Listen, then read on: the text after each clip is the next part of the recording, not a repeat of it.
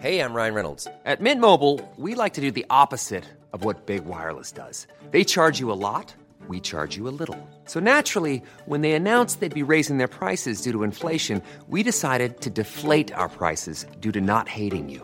That's right. We're cutting the price of Mint Unlimited from $30 a month to just $15 a month. Give it a try at mintmobile.com slash switch. $45 upfront for three months plus taxes and fees. Promo rate for new customers for limited time. Unlimited more than 40 gigabytes per month. Slows. Full terms at mintmobile.com.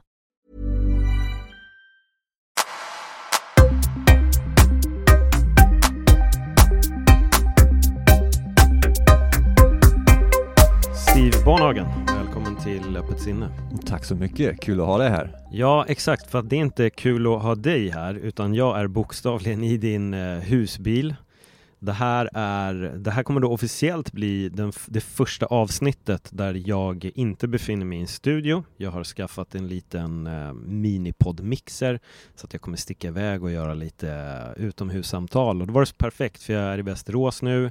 Jag ska kolla på FCR lite senare idag. Du kontaktade mig. Vi har pratat lite om att podda och nu är det nya grejer på gång i ditt liv helt enkelt. Och nu sitter vi här. Jajamän, eh, det är först och främst det är kul att ha dig här, välkommen till Västerås. Ja, tack. Eh, Och eh, känner mig lite hedrad att vi är den första utepodcasten, men tekniskt sett så är vi ju inne, vi är inne i husbilen. Ja. Ute regnade så annars hade jag ställt upp campingstolar och vi hade kunnat sitta utanför, men det får bli inne idag. Ja, nej Mm. men det, det är skönt och det är, just nu är det dåligt väder. Jag förberedde mig för, för värme men sen kom helt plötsligt regnet. Välkommen till Sverige. Ja, exakt. Men Steve, om vi börjar så här. Du och jag, vi har ju sprungit på varann. Det är ju MMA helt enkelt. Mm. Eh, Du har jobbat för FCR, du är fotograf. Där har våra vägar korsats liksom och där har vi då skapat en dialog med varandra liksom. En liten vänskap genom sociala medier och sådär. Yes. Men om vi börjar lite, om vi backar tillbaka, för jag tror att folk hör att det inte är en Västerås-dialekt du har, utan det är någon form av accent. Så Jajamän. vi börjar lite med din story. Var, var kommer du ifrån? Var, var började din livsresa? Eh, Min livsresa började väl i, om du går väldigt långt tillbaks, i Östtyskland. Så mina föräldrar är från Östtyskland, jag är uppvuxen och född bakom muren, eh, 85-are, så uh, fyllde 30, vad blir det, 37 år. Um, och därifrån har resan lett mig till Sverige när mina föräldrar vandrade ut till Sverige för att farsan ville helt enkelt spendera mer tid med sina barn. Han jobbade som chef eller kok uh, och var uppe tidigt och hemma sent så han såg inte sina barn lika mycket som han ville. Och uh, vi har alltid kommit till, till Sverige, Skandinavien med campingutrustning, tält, husbil eller bara bil. Och uh, sen bestämde de sig bara för att flytta till Sverige och det är så jag hamnade här för många, många år sedan. 2000, nej 99 blev det. Ja 99, 99 2000 någonstans där. Ja, det är ändå 22 år som du har spenderat i Sverige då. Eh, nej, det blir sammanlagt har jag kanske spenderat sju eller åtta år i Sverige. För att du har rest runt mycket. Exakt. Ehm, ja, jag har basically levt på resande fot de senaste 17-15 år. Eh, från Europa till eh, Asien, till Australien, till Mellanöstern. Mitt jobb och mitt eh, livsmotto och min livsstil har tagit mig runt ganska mycket och sen kom jag tillbaka till Sverige för ungefär ett år sedan. Mm. Ja, nej, nej, ganska exakt ett år sedan, mars, mars förra året kom jag till Sverige. Eh, för jag träffade då grabbarna från FCR. Mm. Ehm, och eh, vi beslöt oss att slå ihop oss och eh, ja, jobba lite. Mm. Och nu är tiden över med covid så då är det dags. Då är det det dags dags att sticka ut igen. Mm. Men vad var det som fick dig att börja resa från början då? Eh, från, från början, det var tjejen då.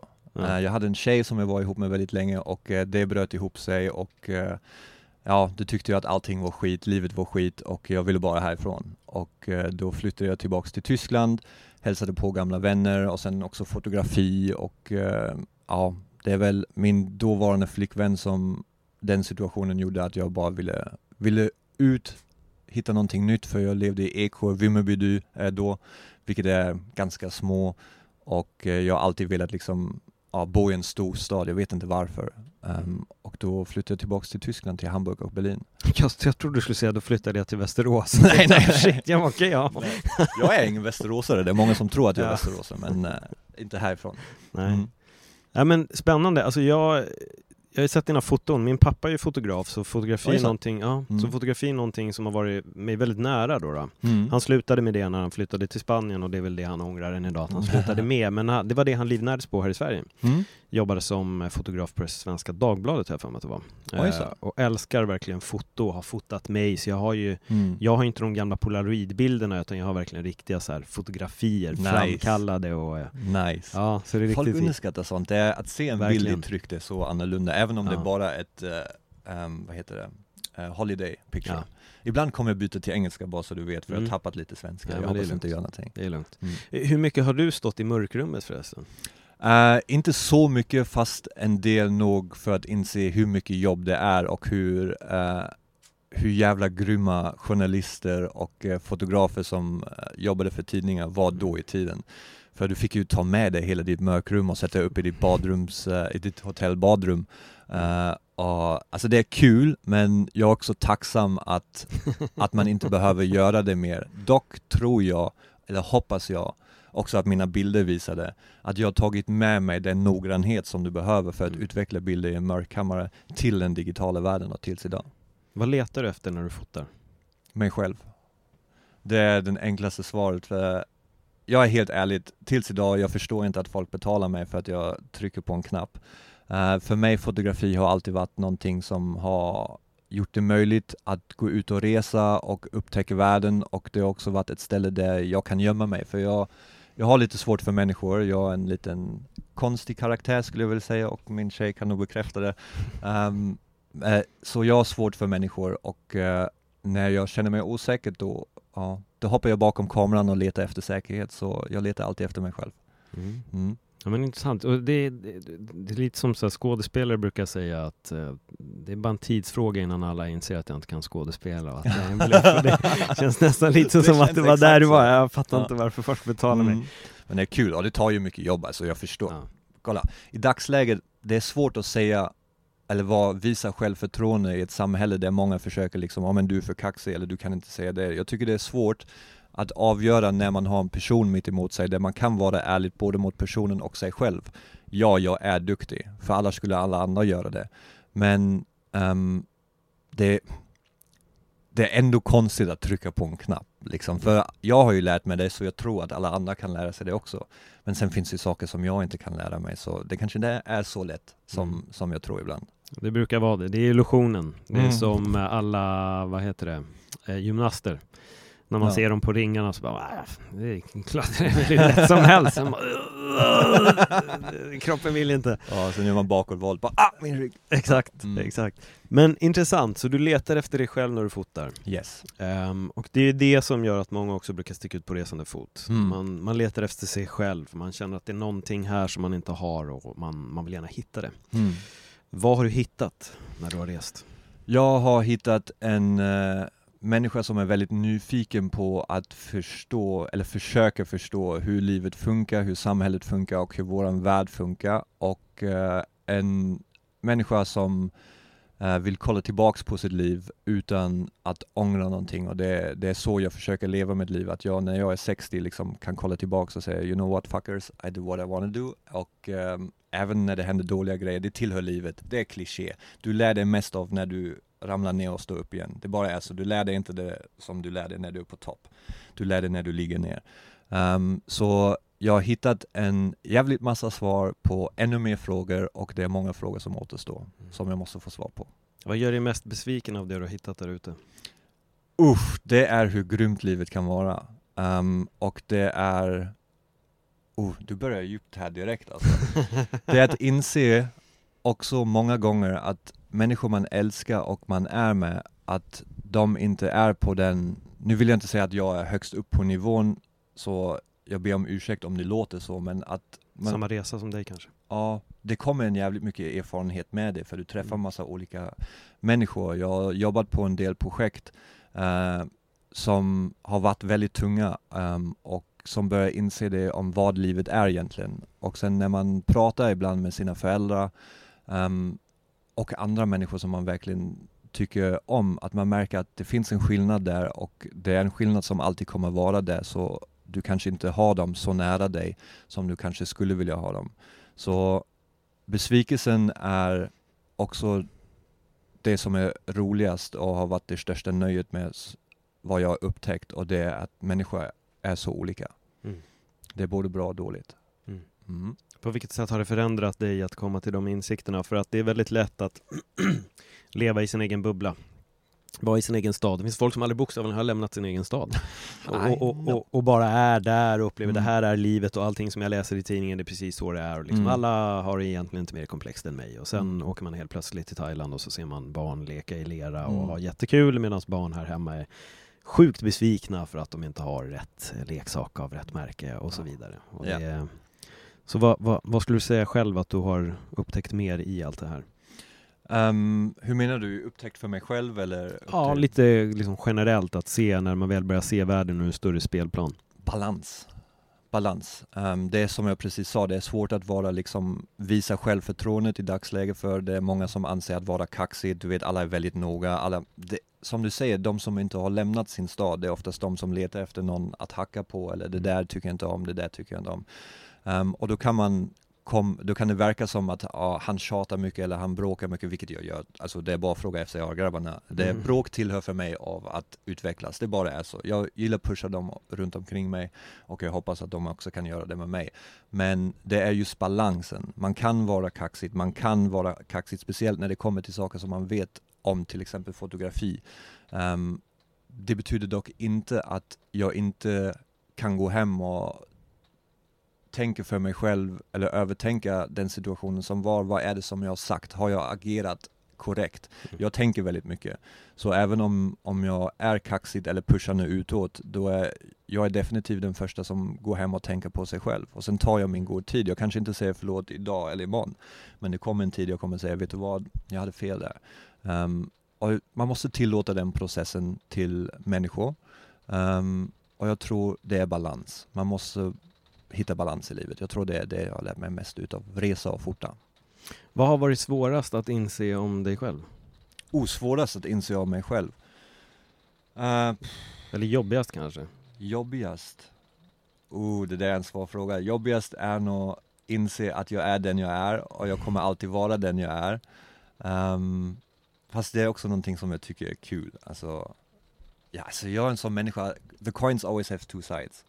Um, det finns bra och dåligt med allt och uh, det är därför jag gillar comedy så mycket. För i komedi, du har en sanning som kan vara väldigt tuff men man försöker se den positiva sidan uh, av det. Um, så ja, det är nog det tuffaste att inse att jag är den jag är och uh, så mycket jag än vill jobba på mig eller försöker jobba på mig och jag utvecklas, det gör jag. Det tror jag i alla fall. Men man kommer aldrig nå den där perfectionist, för du kan inte vara, du kan inte vara perfekt, liksom, även om man strävar efter det. Och jag tror att inse att man inte kan det eh, ger också en viss frihet att eh, prata som man gör, för man vet det du, om du vet innerst inne att du har mycket att lära dig, hashtag always a student, Mm. eh, då tror jag också att du har en viss rätt att gå ut och vara den du är, för du vet att du har mycket att lära dig. Om det, if it makes any sense. Mm. Mm. Jo, jo, absolut. Jag tror jag skulle nog säga att den första insikten är just att inse att man inte är perfekt och kan Ja, inte bli det, precis som du säger där. Mm. Att, att det, det är där, där börjar det någonstans. Och i den, vad ska man säga, erkännandet inför sig själv så börjar förändringen. Mm. Men vi vill gärna tro att vi är perfekta. Det Ja. är liksom, vi är, du vet, jag har fel och jag har rätt på allt. Och Mm. jag, gillar det där också med, med rätt och eh, fel. Jag pratar om det väldigt mycket i podden, att våga ha fel. Mm. För att ibland upplever jag när folk diskuterar till exempel så handlar det mer om att vinna än att lära sig. Och om man har fel då får man ta till sig det. Men sitter vi i en diskussion här och jag säger ah, men min ryggsäck den är blå och så säger de alltså Paul den är svart. Jag har sett, nej men jag svär den är blå och sen kommer den fram och så är den uppenbart svart. Men då kan jag säga att ja, men det är ju bara en sjukt mörk nyans av blå. Det Mm. måste du ju ändå se liksom. Och du bara nej den är, den är svart. Och det, det är det där, ibland hamnar vi i de här dumma grejerna och till slut så vill man bara kriga för att ha rätt. Trots att man är helt medveten om att fan det är en svart väska, jag hade fel men jag ska inte förlora den här diskussionen. Och så fortsätter man bara. Ja. Och det är det jag gillar verkligen med den här ja, resan som vi gör, att inse vi är inte perfekta och vi har fel och desto fler fel vi kan erkänna, desto mer kan vi liksom utvecklas på, Exakt. på vägen. Det är någonting jag ville komma in på. Jag vet Ja. att jag är gäst på din podcast, Nej, men, men kör, som kör. du säger, vi har ju varit lite, vi har ju lärt känna varandra lite, Mm. alltså inte jättemycket, men vi vet ungefär vad du gör, vad jag gör. Ehm, och någonting som jag lagt märke till, eh, din podcast som heter Öppet sinne, Mm. eh, och det vi just pratar om, den där ärligheten, ja, det också det som jag gillar med fighting, du kan snacka hur mycket du vill men när det är i buren då, är det, då kommer det en punkt där du måste ta konsekvenser.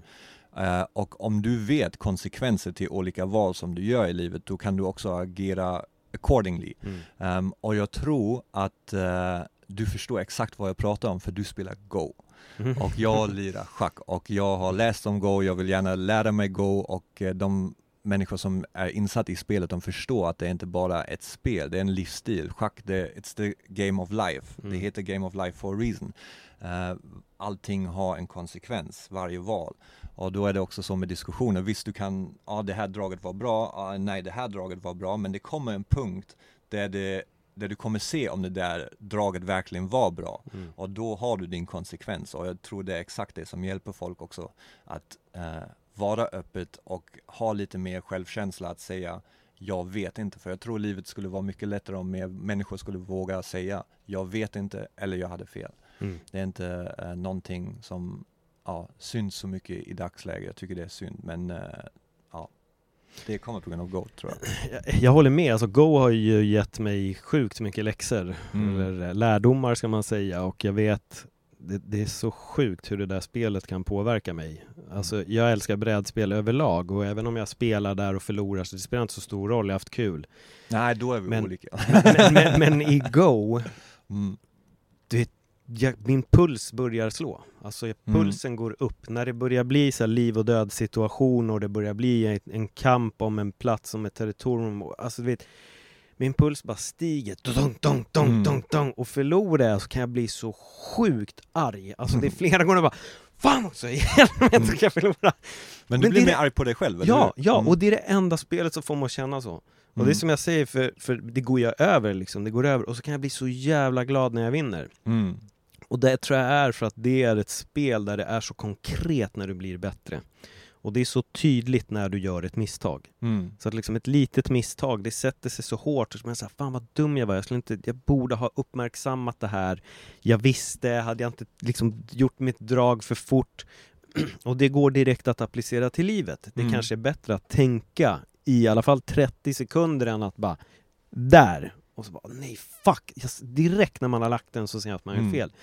Och det där är ju som sagt, det är lärdomar man tar med sig. Mm. Och det är det som gör det där spelet, det är så otroligt häftigt och mm, jag fick ju stöttning av Go-butiken, jag hörde av mig mm. till dem för några år sedan och vi gjorde ett litet samarbete, de stöttade mig med, med Go-bräde och mm. lite böcker och sånt där då. Han har hjälpt mig jättemycket, Ola som, som driver det stället då. Um, och han sa det att, nej men om du väl fastnar för Go-Paul, då, då kommer du ha någonting för resten av livet. 100%. För du blir aldrig fullärd. Nej. Och det är så många instanser och jag anser att jag har blivit bättre på att, för jag har varit MMA-kommentator men jag har aldrig utövat, jag har aldrig praktiserat MMA. Mm. Eh, men Go har lärt mig så mycket om MMA. Ja. Den är så applicerbar på MMA. Att, att verkligen förstå det här, för ibland känner jag att jag går in och bara äger någon. Jag mm. lägger sten och går in skitkaxigt mm. i ett hörn och bara äter upp och dödar och jag sitter och oh, mm. det är så jävla bra och sen gången efter blir jag bara bokstavligen helt omkullkastad och ja. behandlad som en liten jävla trasdocka där inne själv så bara jag är så jävla dålig på det här spelet, jag kan verkligen ingenting, alltså jag kan ingenting, jag borde bara lägga ner. Men, Men det, är, är nivåer, det är mm. nivåer och det är det som är så kul och det är livet hela tiden, man lär sig någonting nytt och det gäller att ta de här lärdomarna och inte göra om samma misstag mm. igen och jag tror det är det som, som är med Go och jag kan tänka mig att det är samma mm. i schack. Ja, alltså... Att du åker på de där dragen tre gånger och till slut bara, nej nej nej, nu har jag lärt mig min läxa liksom. Mm. Det gäller ju att också, om det går bra eller dåligt, det spelar inte så stor roll. Det gäller att investera den tiden i sig själv, mm. eh, att sätta sig ner och kolla tillbaks på vad man har gjort. Varken det är bra eller dåligt och det, det gäller att om man nu spelar Go, schack eller livet, att själv reflektera vad är det som jag har gjort bra, vad är det som jag har gjort bra, vad är det som jag har gjort dåligt. Um, så då, jag har inte kommit in så mycket på Go, jag kan reglerna, jag kan spela lite, men jag är inte ens nära på att lära mig taktik och mm. sådana saker. Schack däremot, det är en annan snack.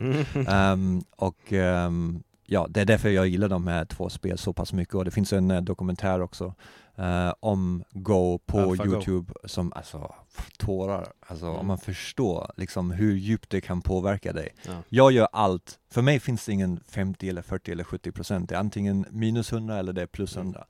Och schack är en av de få grejerna som jag verkligen brinner för och som, alltså skönheten, the beauty about chess, you have no idea. Det har, vår politik har skapats på grund av schack om man kollar tillbaks till gamla krig, äh, kalla kriget. Alltså det har en sån stor, på, eh, sån stor påverkan om oss och livet att det är bara spela schack, spela Go, Schackspelare skulle gärna vilja vara bättre Go-spelare, det har jag insett. alltså det är, jag kan bara rekommendera sådana såna där spel, ja. problemlösning, det, är- det är Ja. så jag ser också lite på livet, det är problemlösning. Ja men verkligen, jag håller med till 100% det är, Vissa har provat Go efter att ha lyssnat på mig och sett när jag har spelat Mm. och lagt upp på sociala medier Men sen säger de det, "Ja, men jag pallade 10 matcher och jag fattade inte ett skit Så jag Mm. gav upp, och det var samma för mig För jag har, jag har alltid haft den här idén om att jag vill lära mig en ny sak varje år Mm. Eh, Och då var det några år sedan som Go blev det nya då och jag tänkte, ja men du vet, det här fan jag ska lära mig liksom, det, det, det kommer inte vara så Jag fattade att det skulle vara svårt Men när jag väl hade spelat tre matcher, jag bara Jag fattar ingenting Jag Mm. bara, alltså vad är det här ens alltså? Va, alltså vad har jag gett mig in på? Jag bara, jag kommer ge upp Men då fick jag också en känsla av, att, fast om jag ger upp nu när jag dels också har gått ut till sociala medier så, ja nu ska jag lära mig att spela Go, Sätter det här är årets grej Mm. liksom Ja, då sviker jag ju alla, då lever jag ju inte som jag lär Så jag Mm. bara, jag måste fortsätta Men då sa Ola det att Han bara, det finns den första regeln du behöver lära dig med Go Det är att förlora dina första hundra matcher Mm. Sen börjar du spela din första match Ja. och att det är den, det är liksom, det, så är det. Du, du tor- torska, torska, torska och sen börjar du lära lite. Men alltså resan sen är ju helt... Samma som i Magisk, foto. alltså. Du tar Ja. tusen skitbilder och sen tar du den som är verkligen bra. Du Ja. måste investera den tiden. Och det igen, alltså vi kan fortsätta prata om Go och schack hela tiden för det är verkligen livet. Och det är ju lite så samhället också idag, de, har, Mm. de ser någonting, de vill göra det och sen ger de upp, för det är alltid lättare att ge upp. Eh, och det är också, du vet förr i tiden, då kunde du bli eh, en bankkille, du murare eller frisör och kanske två eller tre saker till. Du hade ett litet val. I dagsläget, du har så många olika val, eh, vilket, jag, vilket leder till att jag också tror att det är svårare idag att verkligen fastna för någonting, verkligen gå med någonting och lägga ner den tiden. Och när ibland, för jag ger ju workshops, jag har eh, eh, på, på konstskolor eller har interns och eh, praktikanter ibland. Ehm, jag, det är samma sak jag säger där, så det är ju foto, det är en passion, det är också ett jobb, men det är mycket naivitet. Jag skulle aldrig vara där eller bott på eller levt min le- mitt liv så som jag gjort de senaste 15-17 år om inte jag hade varit lite dum och naiv, för det behövs också. Ehm, ja. Jag brukar säga att ibland vet jag inte om jag är ett, eh, om jag är helt galen eller om jag är ett geni. Och den frågan får jag ställa mig många gånger. Jag kan bara dra den väldigt snabbt, för jag började tänka på den. Ja. Jag, jag höll ju på med stand-up för en massa år sedan. Ja, cool. Stand-up comedy då. Och, och Det när- där, ursäkta men det där måste ta bollar, att gå upp på en scen och verkligen liksom försöka göra någonting roligt som får andra att skratta. Ja, det, det var kul. Jag, jag hade väldigt roligt. Och när jag hade kört i tre år så tänkte jag, jag vill tillbaka till teaterscenen, för jag har ju skådespelarbakgrund liksom. Så jag, jag vill tillbaka till teaterscenen. Jag sätter upp min, min första standup-show. Mm. Ehm, och det var inte många komiker som trodde att jag skulle lyckas liksom. Mm. Ja, du kommer inte sälja några biljetter, det var 199 platser liksom. Uh, men hur som helst, jag var, jag var så jag var så säker på min sak. Jag kan ha ett sjukt självförtroende ibland när det gäller vilka Jag vet att det här kommer funka. Jag kommer sälja ut varenda biljett. Ja, men hur ska Mm. du kunna göra det liksom? Jag bara, jo, men jag har min lilla YouTube-följarskara liksom och jag bara, vad, vad, fattar ni inte vem jag är liksom? Alltså, Mm, lite mm. så, fast ändå liksom på ett ödmjukt Du, sätt. du vet att du, Ja. liksom, ja, jag känner igen mig i det Precis. du säger. Mm. Och, och jag vet, och så, så, så kommer vi till den här dagen, jag höll nästan på att ställa in för att jag tror det var två månader innan hade jag sålt fem biljetter. Men då Mm. övertalade två vänner mig. De bara Paul, is i magen, folk köper hellre kaffe idag och betalar för din föreställning om två månader. Jag bara, Mm. ja, okej, låter rimligt liksom. Jag lyckas i alla fall sälja ut, det är kontentan. 199 platser, pl- stället är utsålt. Och när jag väl går ut på scenen, då fattar jag allt och bara Shit! Det här jävla stället hade fan kunnat vara tomt! Och nu är det fullt, vilka i helvete är det som är här och varför har de kommit för att se mig egentligen? Hur känns det när man är uppe på scen? För det, det måste ju vara lite av en powerkänsla att ha kontroll över ett rum och se till, jag ska få dig att skratta, jag kan styra dina emotioner. Eh, det måste väl vara ett ganska, ganska cool feeling? Ja, alltså jag, jag tror det beror på vad man, hur man har, vad, vilken approach man har när man går upp på scen och det tog ju tid för mig att hitta det liksom. Mm. Men till slut så började jag väl hitta min egen karaktär och hur jag ville vara. Mm. Det här kommer ju låta jättedrygt och eh, liksom skala av verkligen drygheten i den här tanken nu, alla lyssnare som, som lyssnar på den här podden. För det handlar bara om att bygga självförtroende i den tanken då. Och jag tror jag har sagt det tidigare, men varje gång jag gick upp så tänkte jag att när jag går upp på scen, alla killar, de ska vilja bli min polare. Det ska vara den känslan jag Mm. förmedlar, här, fan vad jag vill att Paul och jag ska hänga liksom. Och alla tjejer, de ska såklart känna att liksom, honom vill jag ligga med. Det där är en sån, Jag vil- vill ligga med Paul. vilken kille liksom. Eh, och det handlar egentligen bara om att slå på extremt mycket charm. Mm. Och grejen var att det funkade. Och sen hade jag också tanken att om jag, om jag pratar med någon på scen, från scen, då vill jag att de ska känna sig utvalda. Mm. Och jag vill att den jag inte har pratat med ska känna att men fan snälla, välj mig. Mm. Och det där är ett fel som jag tror att många komiker gör, för att om de börjar prata med en person och den personen vill inte, då fortsätter de. Mm. Medan jag, om jag märkte direkt att de inte ville, då gick jag bara till nästa. Mm. Men till slut lyckades jag ju skapa den här känslan av att Paul, man är i trygga händer med honom, det är liksom Mm. inget jobbigt, det är bara skönt, det är bara ett skönt snack liksom. Mm. Och då blev det väldigt lätt för mig, för jag jobbade mycket som MC också, så jag hade verkligen det här med att jag snackade med folk och fick igång Mm. föreställningen. Eh, men det, det, är en, det är en speciell känsla. Men jag la ner för att Hi, I'm Daniel, founder of Pretty Litter. Did you know cats tend to hide symptoms of sickness and pain? I learned this the hard way after losing my cat, Gingy. So I created Pretty Litter, a health monitoring litter that helps detect early signs of illness by changing colors, saving you money and potentially your cat's life. Pretty Litter is veterinarian developed, and it's the easiest way to keep tabs on your fur baby's health right at home. Go to prettylitter.com and use code ACAST for 20% off your first order and a free cat toy. Terms and conditions apply. See site for details. A lot can happen in three years, like a chatbot may be your new best friend. But what won't change? Needing health insurance. United Healthcare Tri Term Medical Plans, underwritten by Golden Rule Insurance Company, offer flexible, budget friendly coverage that lasts nearly three years in some states. Learn more at uh1.com.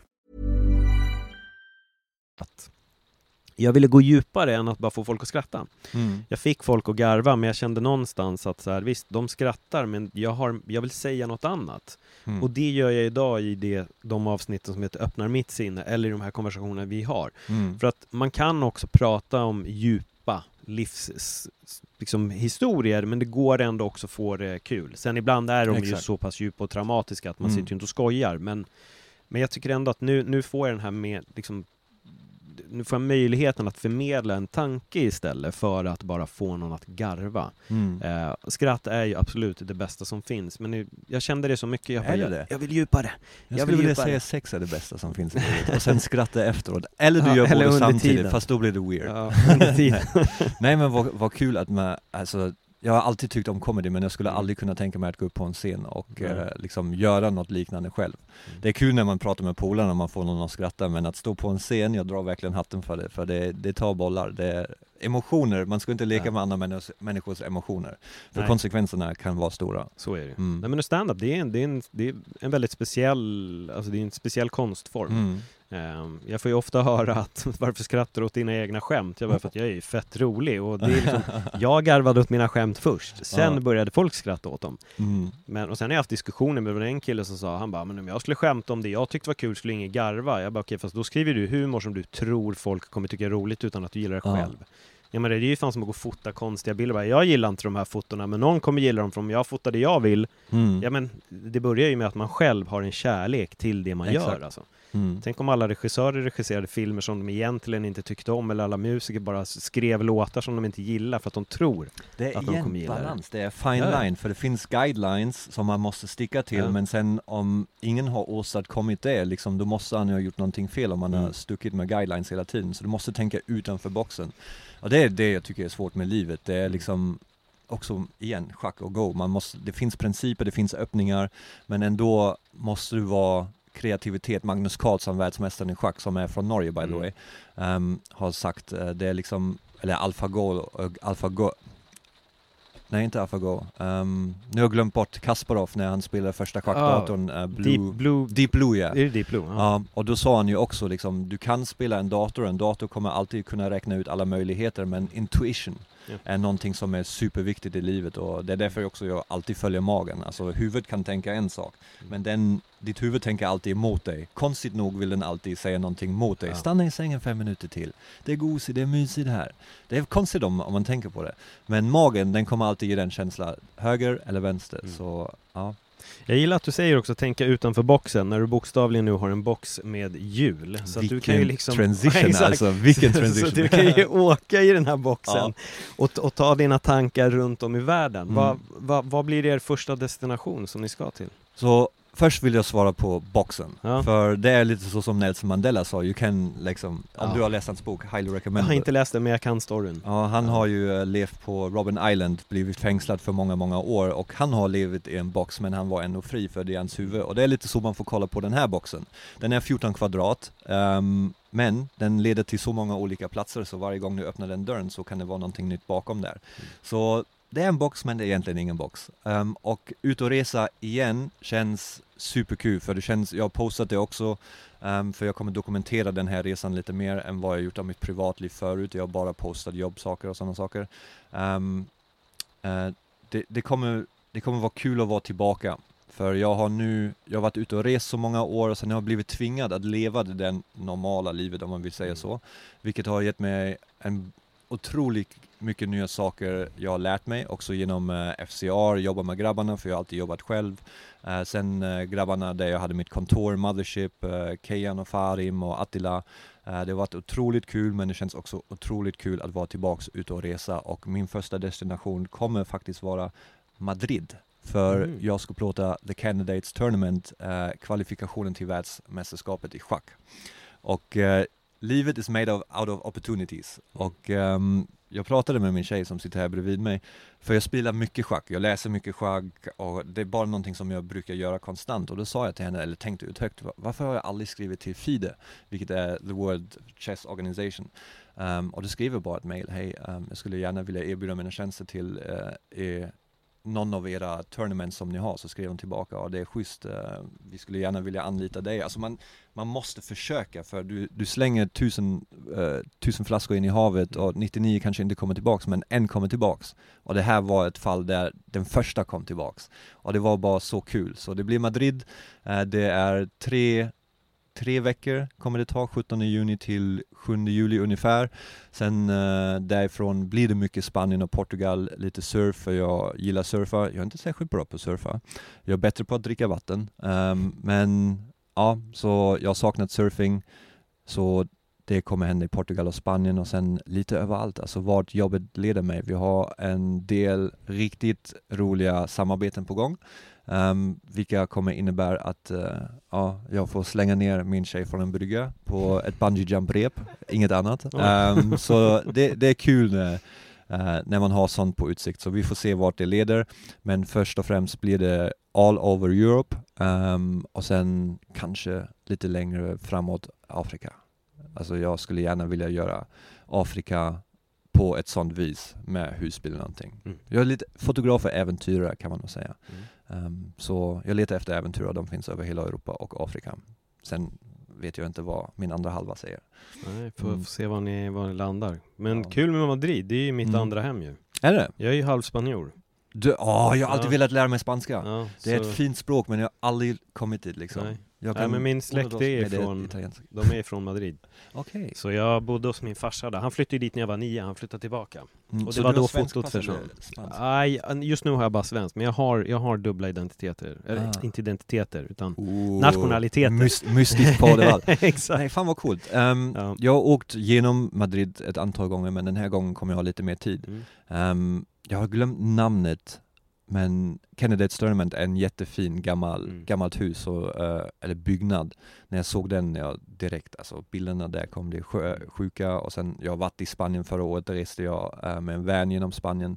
Ehm, så jag gillar det men jag har alltid sett fram emot liksom Madrid, storstad men ändå någonting nytt som känns ändå så bekant, för Spanien är inte så långt härifrån. Nej, nej, det är. Ehm, så det känns som någonting nytt men ändå inte. Mm. Jag vet inte, jag ser fram emot Madrid. Ja. Mm. Jag kanske är där andra juli. Det är lite oklart just nu. Jag har en kusin som gifter sig och han vill gärna att jag ska komma ner. Så jag kanske Men gör det. Ja. Det hade varit fall kul. får vi länka upp. Du får ju länka Ja, ihop och då ja. tar jag med dig till eh, Candidates Tournament. Ja, ja, Det hade varit kul, ja, 100% ja. Nej Ja. men du, jag tänkte faktiskt ta med mig rödvin här för vår lilla konversation, för det är sånt du vet, det regnar på taket och sånt, lite rödvin, det gör det lite mysig konversationsstämning. Eh, men du sa att du inte druckit på, på tio Nej. år, dricker du inte alkohol överhuvudtaget Nej, eller? det är så roligt när du säger det här med vin, för min pappa Ja. sa det en gång fast på spanska då, då. han bara så det här med att du inte, för jag drack inte vin heller, jag har aldrig Mm. gillat vin Han var fan på det här med att du inte gillar vin, jag började liksom tvivla på att du är min son alltså, det... Det är ingen riktig spanjor Nej, du inte dricker vin. Han bara, Mm. vilken spanjor gillar inte vin? Mm. Eh, nej men precis, jag slutade dricka eh, 2012 tror jag, 2013 Jag blev för bakis, det var egentligen Mm. bara det Mina bakfyllor var helt Hur absurda gammal är du? alltså. Jag fyller 44 Ja men det är inte så om, gammalt. eh, vad är det, typ, ja men i juli, i Mm. juli eh, Så eh, jag vart bara Nej det var liksom, det var inte okej Alltså Mm. jag vet att det var någon gång där jag mådde illa i tre dagar alltså, det, var, det var helt sjukt Mm. och då tänkte jag bara, det är någonting som inte stämmer, så jag tog en liten paus, men sen så drack jag några gånger till. Effekten var likadan. Och sen var det väl lite så här droppen när jag var, det var ett UFC-event, då var jag med Mm. Wade, en kille från, nu, nu tror jag inte MMA hit finns kvar, men de hade det förut. Mm. Eh, vi sitter på Berns, jag hade precis också, alltså jag har druckit stark sprit. Jag har Mm. en drinkkille liksom, för jag har inte riktigt gillat varken öl eller vin. Men jag hade typ precis börjat vänja mig vid att dricka lite öl liksom. Så vi hade druckit två öl, vi sitter på East tror jag det var, och två öl in så slår tanken mig att jag tror jag måste gå och kräkas alltså. Jag mår illa. Och det var, det var det där och till slut så frågasatte jag mig själv bara, jag bara okej, jag har kul i typ två, tre timmar men sen mår jag bokstavligen dåligt i två eller fler dagar. Mm. Och det är inte värt det. Träningen blev jättepåverkad, om jag krökade på en lördag så kändes min träning okej fredagen efter. Mm. Eh, och jag har egentligen alltid bara druckit för att festa, så att jag har inte varit den här så här, åh ta en öl eller bara en liten drink och ha kul, utan det var så här, då dricker jag inte, men om vi ska festa, då har vi roligt Mm. liksom. Eh, men nej, jag var, jag var bara på tok för bakis liksom, och det, jag tog en paus, och den pausen har Mm. bara liksom en längre paus. Ja, det Mm. blev en, det blev Alltså en jag, paus bara jag hade satsat fortsatte. pengar på att du är en uh, vinkille. Ja, jo, Hundra- jag kan tänka mig det. Jag kan Mm. tänka mig det. Vad är din åsikt om cannabis då? Eh, det är ingenting jag håller på med. Jag Mm. gjorde det när jag var yngre, rökte jag några gånger. Men jag har sett så här båda sidorna av det. Mm. Eh, så det är det blir svårt att ha en så här åsikt, för jag har sett när det kan gå åt helvete och jag har sett Mm. när det händer liksom ingenting. Eh, men om frågan är så, så skulle jag väl säga att jag är väl emot, vad ska vi säga?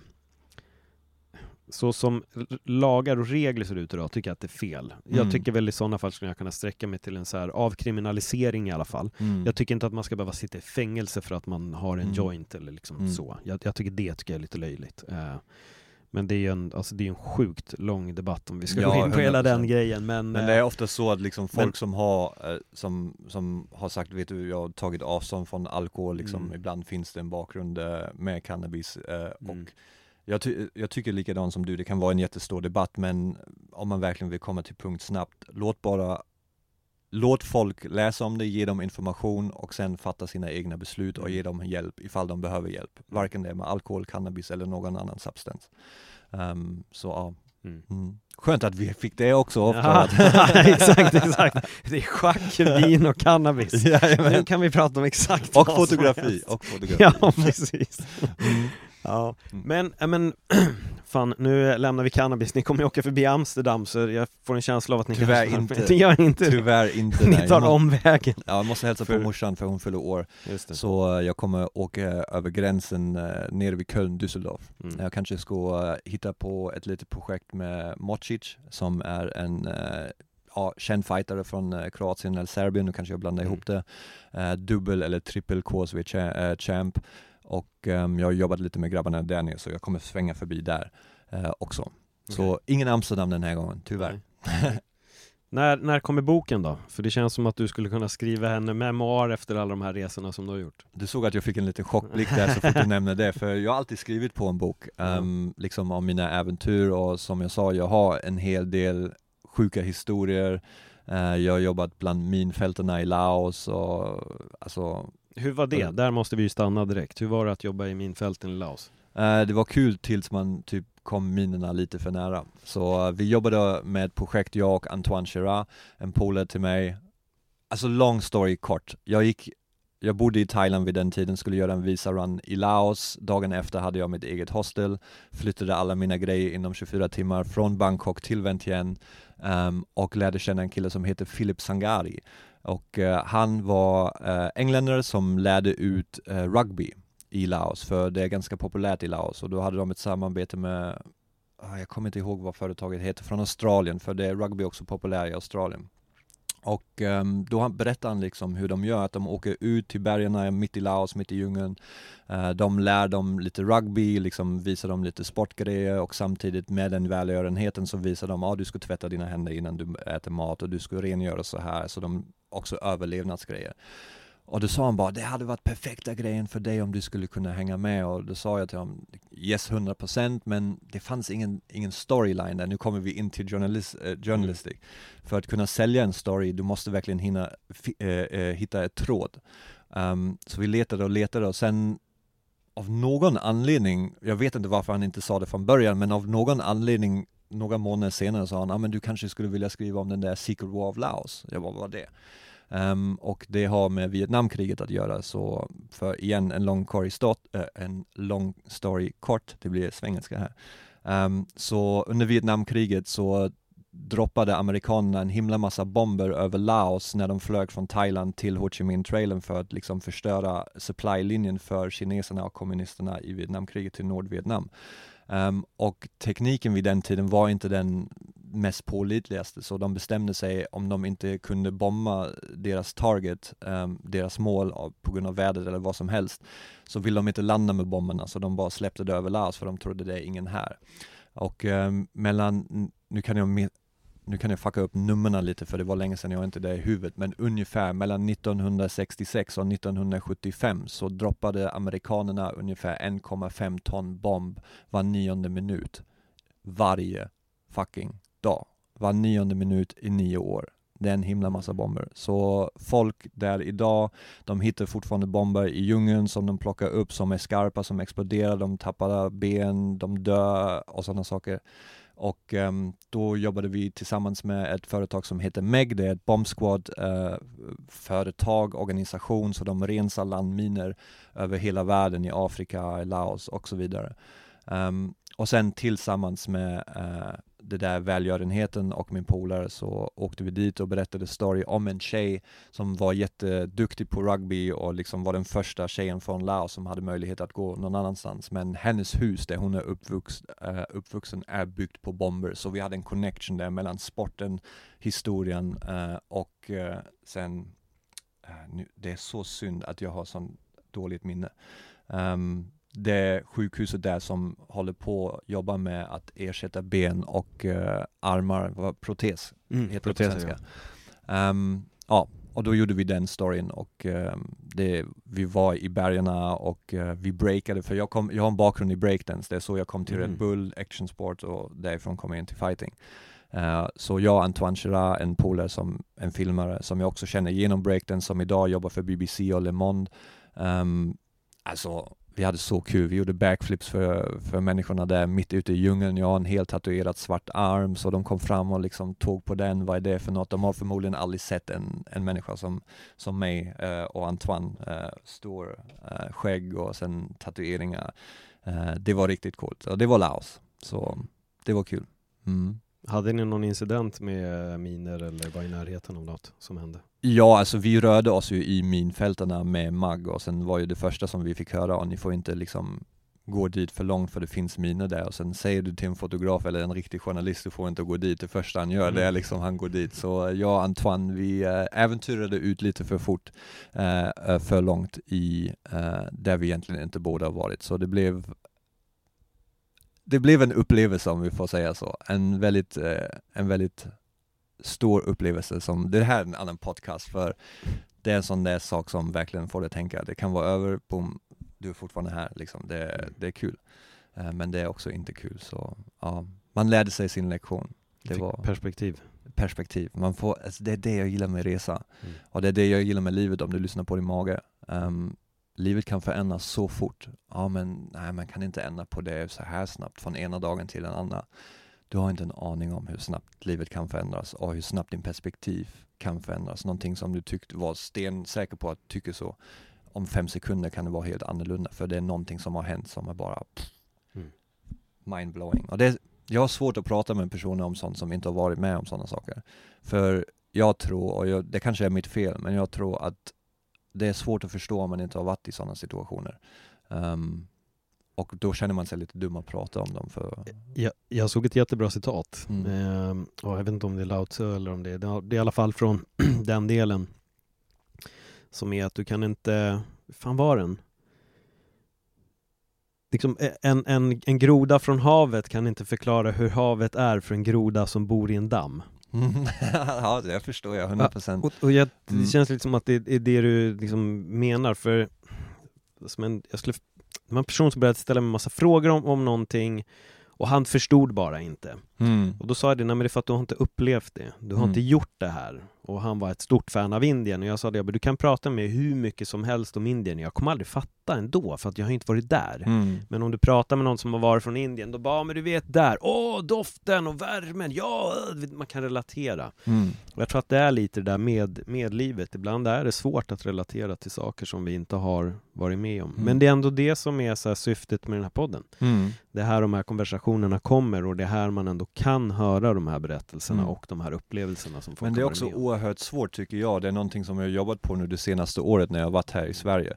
För igen, alltså det finns miljontals människor som har upplevt mycket sjukare saker än vad jag har gjort. Alltså jag är dropp i havet jämfört med andra. Kolla bara på Francis Ngannou som har jobbat Mm. sin väg från en gruva i Nigeria eller vad fan det var, upp till MMA-star och tjänar miljoner.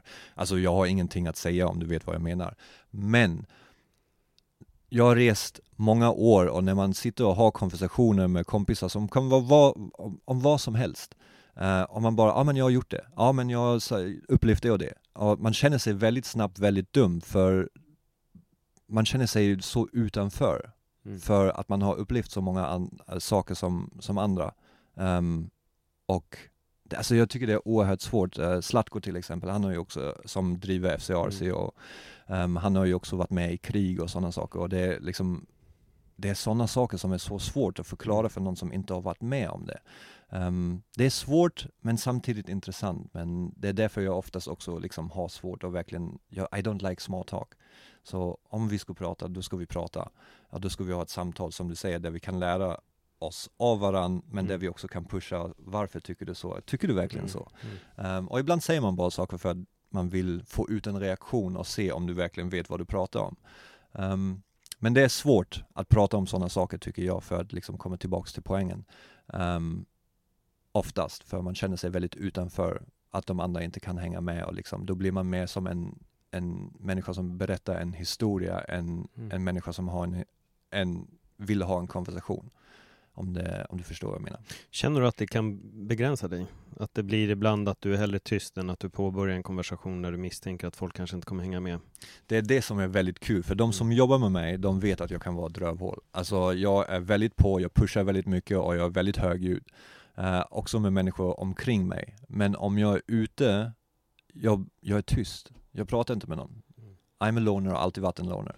Jag, jag vill göra min grej, jag vill uppleva världen. Känner jag att jag har människor omkring mig som liksom, du träffar en massa människor som reser där ute.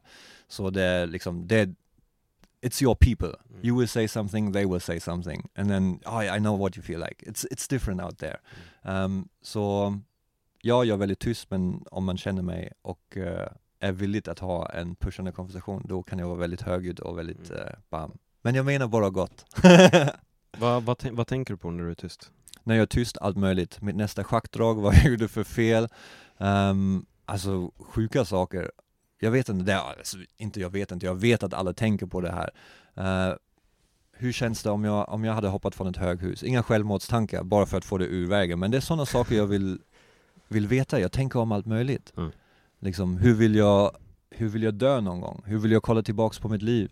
Liksom, vad händer om jag gör det och det här? Alltså jag är en tänkare. Det, vi gick inte in för djupt men eh, jag är en stor uh, cannabis-entusiast, alltså CBD, alla möjliga Jag tror, det, olika. jag tror alla förstod det när du Ja. ställde frågan. Um, det brukar vara Så för mig det har hjälpt jättemycket. Det har Ja. hjälpt jättemycket. Um, Så jag gillar att tänka om allt möjligt. Det kan vara löjliga saker men jag, jag gillar lösa problem och jag gillar lära mig. Så jag har oerhört stor um, uh, I'm craving knowledge, Mm. craving information. Betyder inte att jag behåller det i mitt huvud, men uh, jag tycker bara det är intressant. Jag vill inte, I don't want to waste any time in my life, vilket leder tillbaks till Laos eller andra saker jag har upplevt. Mm. För jag vet att det kan sluta ganska snabbt. Det kan vara jobbigt också, det är, speciellt i en relation, när man bara vill ha kul en, en eftermiddag och du bara, nej jag måste få reda på det här nu. Mm. Det är så. Jag kan känna igen mig i det här med att ibland inte, ja men jag kan också vara den som är tyst om jag är i en stor folkmängd. Mm. Eh, Jag har lättare att gå upp på en scen och uppträda och prata inför tusen människor än vad jag har att bara stå och kallprata. Mm. Jag kan tycka det är ganska jobbigt ibland att bara så här, hej hej, hur mår du, vad jobbar du med, Mm. hur är vädret? Men jag tror att det är så att nästan alla, alla vi som är på liksom resan om man säger så, för att utforska livet, utforska Mm. sig själv, hitta, se och inse att vi egentligen kanske bara är ett gäng jävla idioter i en värld av en massa andra dårar liksom. Men, men, men vi vill hitta vår plats på något vänster och då, då tror jag när det är de större frågorna som pockar igen, då kan det Mm. ibland bli lite svårt att bara så här sitta och kallprata liksom. Mm. Det är ju det som igen leder tillbaks till we don't know shit. Nej. Så mycket man försöker göra saker rätt eller liksom klura ut saker, man måste, innerst inne vet man att vi är lite dust corn in the universe. Mm. Så ett citat som jag verkligen gillar, Neil deGrasse Tyson, the universe is under no obligation to make sense to you. Så, så mycket du än försöker liksom, du kommer aldrig förstå. Så Mm. njut av den tiden du har och försök göra det bästa och inte slösa det. För det går över alldeles för fort, mycket fortare än vad man tror. Mm. Mm. Jag känner att jag vill släppa in din tjej om det är okej för dig att komma in. Jag har Mm. ändå några frågor till dig här. Då ger jag mi- micken vidare. Ja. Hej, Hej. välkommen. Tack så mycket. Eh, Madeleine va? Ja, stämmer bra. Ja. Ehm, det här är väldigt intressant. Ni, ni är ju just nu på G med en eh, liksom väldigt unik resa. Ni ska sticka iväg, ni ska åka och börja till Spanien, det kanske blir fler delar av världen. Men det, jag ska inte säga att det var roligt, men det intressanta här är ju att du har ju nu då till och med sagt upp ditt kontrakt. Exakt. Ditt, eh, din För bostad. Ja. Och det är ju verkligen den här grejen som folk säger, nej du måste behålla, det är svårt att få lägenhet och ja, alla vill ju att det ska vara tryggt och säkert och bekvämt. Och Exakt. sen när man släpper sådana grejer så blir det ju väldigt där. Men gud, Ja. har du tänkt till vad du gör? Vad håller du på med? liksom, Ja. massa frågor. Hur, hur, hur, hur eh, mycket fick du tänka igenom och hur mycket ville dina föräldrar inte att du skulle göra det här? Alltså de vart ju, ja, det vart ju diskussioner om man säger så. Mm. Men det var ju väl mer för att de trodde inte att jag hade tänkt till, att, det kom liksom, att jag kom på det igår och skulle göra det idag. Liksom. Ja. Det var lite så. För att jag ville ta beslutet själv utan att få andras åsikter innan. Liksom. Mm. Så jag satt där och funderade ensam och så kom jag fram till det. Ja. Hur kändes det att till slut ta beslutet att ni nu har husbilen och att ni är på G och att det här kommer hända? Alltså det känns helt sjukt, det känns overkligt. Mm. För jag har velat det så länge. Men det känns som att det har varit typ omöjligt att göra det. För att man är så trygg, man har sin lägenhet, man har en fast anställning. Och liksom släppa de grejerna är ju lite läskigt. Ja. Ja men då blir det återigen där, då har du ju verkligen tänkt mycket liksom, på allt det här och att verkligen komma in i att, Mm. att göra det, att ta beslut. Men när började den här liksom, fröet växa hos dig? Det var när jag träffade Steve. Mm. Eh, alltså jag har ju tänkt många år innan. Alltså jag kollar på Vans på Blocket flera gånger. Men det, det är liksom så många frågor vad ska jag göra själv? Hur ska, vad händer om bilen går sönder på vägen? Alltså massa Mm. sådana grejer. Sen träffade jag Steve och han hade, vi pratade om samma grej liksom. Han vill också iväg och resa igen och han hade ju massa erfarenhet. Så då kändes det som, alltså, det var då det kom till liv om man säger så. Att det blev Mm. liksom verklighet. Känner, Alltså- känner du dig fri nu? Ja, alltså jag vet inte, jag har inte rest där. Jag har varit borta max två veckor med Mm. familjen. Alltså det, inte, det blir verk, verkligen en kontrast. Mm. Och sen släppa ICA som jag jobbar på nu liksom. Så det är lite stor förändring. Vad sa de? Frågade de om du hade fått en annan anställning? Nej, alltså jag börjar ju ta tjänstledigt nu ett halvår. Ja. Eh, men sen hoppas jag på att jag inte kommer tillbaka för det är inte målet. Nej. Så Ja. ja. Jag fick den, det, det sa jag när jag började plugga teater igen efter att jag hade haft uppehåll en massa år så vet jag att till den chefen sa jag bara, jag kan jobba lite extra men sen tänkte jag att jag slutar. Han bara, Mm. men när är utbildningen slut? Jag bara, men den är ett år. Ja men då är du tillbaka va? ja. Jag bara, nej alltså tanken är inte det. Han Nej, va? Vadå? Ska du inte komma tillbaka? Jag bara, nej! Alltså Ja. de ska ju såklart kunna göra det här. Uh, men spännande. Det, Mm. det här är ju väldigt intressant. Känns det lite nervöst kanske att påbörja det här? Eller vilka Ja, känslor har du? Det ja. känns, det är väldigt nervöst. ja. Så jag kollar ju andrahandshyresgäst först för att ha kvar mina bekvämligheter och tryggheter och sånt. Mm. Men sen vart det bara, varför ska jag stanna kvar? Alltså med, för då kommer jag tänka på det också, någonting som håller mig tillbaka. Så då sa jag upp den lägenheten och så får man se vad som händer. Så du går buddhistvägen alltså, du gör dig av med Mm. allting och sen, Får man se. ja. ja, lite så. Ja men vad spännande, Mm. vad, vad kul att få lite input från dig också här nu när Ja. du ändå har suttit med i konversationen. Känns det tryggt med Steve eller spelar han för mycket schack? Och spelar du schack? Nej, jag spelar inte schack. Vi försökte en gång men jag kände att, ja. Nej. så kanske får lära mig. Ja, du får nog göra det. Du får Mm. nog göra det. Han kommer att behöva någon motståndare, annars kommer han sitta och spela schack. Det kommer alltid finnas någon husvagn där, eller husbil som... Exakt. Men jag vinner ju annan. mest på Uno. Då då. Oj. Det är Ja, också... Så att jag... Nej. då är jag nöjd. Ja. Ja, men vad kul! Mm. Kul att jag fick eh, höra lite från din sida också, med tanke på att du ändå suttit med här så tror jag Yes. absolut att... Eh, nu ska vi se, Steve verkar ha en fråga.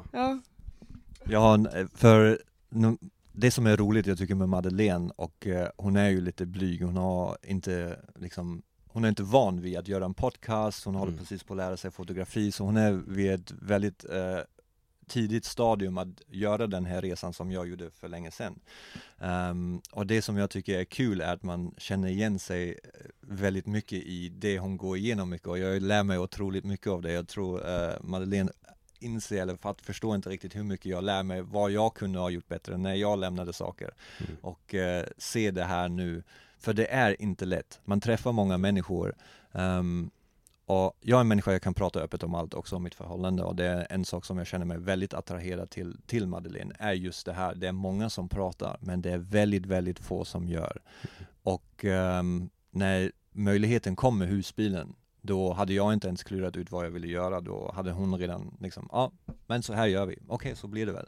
Um, så jag tycker det, det är otroligt modigt och eh, det krävs väldigt mycket, jag vet inte hur man säger på svenska så ursäkta mitt språk, men det krävs väldigt mycket och stora bollar för att göra sånt här, verkligen tappa allting och gå- ut i en värld där du inte vet som en ny uppkommande fotograf, ehm, hur tjänar jag pengar? Mm. Hur, hur får jag in pengar? Vad gör jag? Det där är viktiga frågor för människor. Om du, om du går runt i Västerås eller Stockholm och frågar om jag skulle ta bort din möjlighet att tjäna pengar, vad skulle du göra då? Den första som kom upp, ja då skulle jag hitta en ny möjlighet att tjäna pengar. Inte vad deras drömmar är eller vad som helst. Alltså säkerheten. Det är, igen, balans. Du måste ha en viss säkerhet i liv och det, det är som att hoppa från en klippa. Att hålla ut foten och nu ska jag gå och nu ska jag göra det. Och det är dumhet och naivitet som krävs här. Hon är dum och naiv på grund av att hon är ihop med mig. ska jag bara. Um, men alltså jag, jag drar hatten för det, att se, att se det, för jag vet hur osäker jag känner mig, hur rädd jag var. Jag vet att det är det svåraste situationen jag har varit i. Du lämnar familj, du lämnar kompisar, du lämnar trygghet. Vad finns det där ute? Mm. Liksom, igen, för mig, det är vardag. För henne är det inte det. Och eh, jag tyckte det behövs säga och eh, ja, förhoppningsvis kommer vi också kunna spela in en podcast där eh, man kan gå in lite djupare uh, Mm. om det i framtiden där du har liksom sett, nu har jag gjort det här steget och allting. Så det tycker jag är väldigt cool och jag ser uh, leende när hon pratar om det men eh, att inse vad man gör, nu ska jag göra henne lite nervös, det vet man inte heller. Det, alltså det, det, jag tycker det är otroligt modigt bara, jag ville bara säga det. Mm. Och med det här inhoppet så tar hon nu tillbaka sitt jobb och sin lägenhet. Nej jag har ju sagt att jag ska sälja hennes kroppsdelar i Tjeckien men eh, hon verkar inte ta mig på allvar. Ja, det är ju det perfekta sättet att få med någon. Jag tänkte sälja dina organ när vi kommer dit, så får vi se hur allting går. Ja, precis. Nej men fan vad grymt, alltså det här är ju, det är jättekul. Alltså det är väldigt kul när eh, liksom ett par ändå vill åt samma sak, strävar åt samma håll och det är ju egentligen, det är frihet det handlar om. Mm. Friheten att kunna vara var man vill och se egentligen världen som en liksom, stor spelplan istället för att bara Ja. se liksom, sitt lilla land som sitt hem och vara där och vara trygg och vara säker Mm. och bryta sig från, från allt det men också möjligheten att kunna jobba på, Mm. på vägen. Det är hårt arbete dock, det får man inte underskatta. Exakt. Mm. Och då blir sista frågan som vi kommer avrunda podden med. Yes. Vad skulle du ge för tips ifall det nu sitter någon och lyssnar på den här podden och känner så här, fan jag har tänkt på det här med vanlife nu i flera år, det är någonting som jag vill göra, men jag är rädd, men jag vill. Mm. Ett tips Uff, det är svårt för en sida i mig vill säga bara gör det. Det är så kliché, men bara gör det. Um, men åt andra sidan, det är det jag också lärt mig med Madeleine, man behöver inte alltid in med huvudet först, man kan ta det steg för steg. Hitta svar på dina frågor. Varför, pros and cons och sen fatta ett beslut utav det.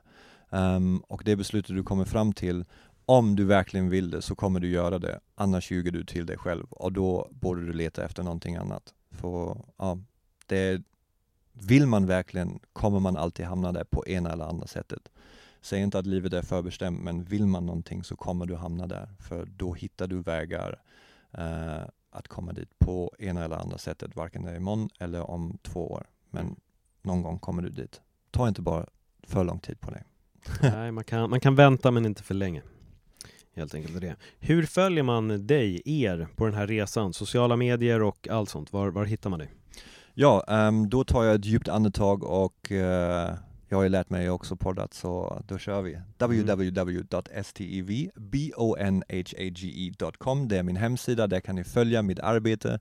Sen kan ni hitta mig på Instagram, uh, Steve Bonhage, S-T-E-V-B-O-N-H-A-G-E och där hittar ni också länkar till min fight-account, SB Fight Photography på Instagram där jag enbart postar om fighting och sen också min nya sida där jag kommer visa en lite mer privat Eh, perspektiv av hur jag lever mitt liv, hur jag jobbar i en husbil och lever där. Så den heter Surrounded by Details. Den finns också på Youtube, Surrounded by Details.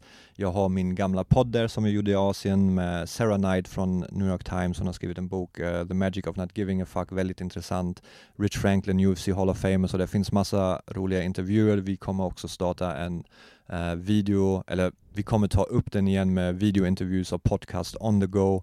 Um, så alla dessa kanaler kan ni följa. Steve Bonhage, stvbonhage.com på Instagram. Därifrån hittar ni alla länkar. Sen har vi eh, MB Belinki och Belinki Photography där ni kan följa MB Palevik, där ni kan följa uh, Maddes resa och uh, hur hon utvecklas som fotograf och hur hon kommer in i fotograflivet. Så jag tror det kan vara en ganska intressant mix för folk som vill komma in i den här livsstilen eller vill börja med någonting kreativt, att både få en perspektiv av någon som har jättemycket erfarenhet och någon som är precis i början av att starta sin resa. Um, och uh, har ni idéer vad vi kan göra eller vad, vad ni vill ni ha svar på frågor så nå gärna ut till oss. Vi, vi hjälper gärna andra för andra har hjälpt oss. Uh, så give back basically. Mm. Mm. Snyggt! Mm. Du kan skicka länkarna till mig också så kan jag länka liksom det som är hemsida på, i bion på en gång också, så kan folk bara klicka sig vidare genom den. Så 100%. bara gå in i bion, klicka så hittar ni uh, i alla fall hemsidan där. Och där länkas allting vidare till de andra grejerna. Yes. Uh, Ja men super, tack så jättemycket. Det har slutat regna. vi får se om det kommer fram någon form av sol, men vi kommer i alla fall kunna ställa oss här ute lite och få lite härlig Västerås eh, frisk eh, luft. Där har ni Tack så jättemycket Steve, Madde, tack för att ni eh, var med i, eh, i podden och tack för att du, vi, vi gick lite djupt där i början. Sen fick vi också ta oss till dit där vi behöver vara med allting som är på G. Ja. Men jag har en stark känsla av att eh, kanske inte om ett år, men kanske om två eller tre eller kanske om tio så sitter vi i öppet sinne igen. Och då jävlar. Då jävlar, vi ska spela schack och go när du kommer till Madrid i juli. Mm. och då, då gräver vi riktigt, riktigt djupt. Äh, men eh, tack så jättemycket. Tack Paul för att du eh, var med. Och till alla er där ute som vill göra det här eller någonting annat, kom ihåg, kör bara. Det gäller bara att, att börja. Det som Steve sa här precis, det kanske är en klyscha, men någon gång gäller det bara att eh, sätta igång. Så eh, vänta inte till imorgon, utan börja planera redan nu, så kanske det är imorgon som du kan åka. Tack för att ni lyssnade. Hej då!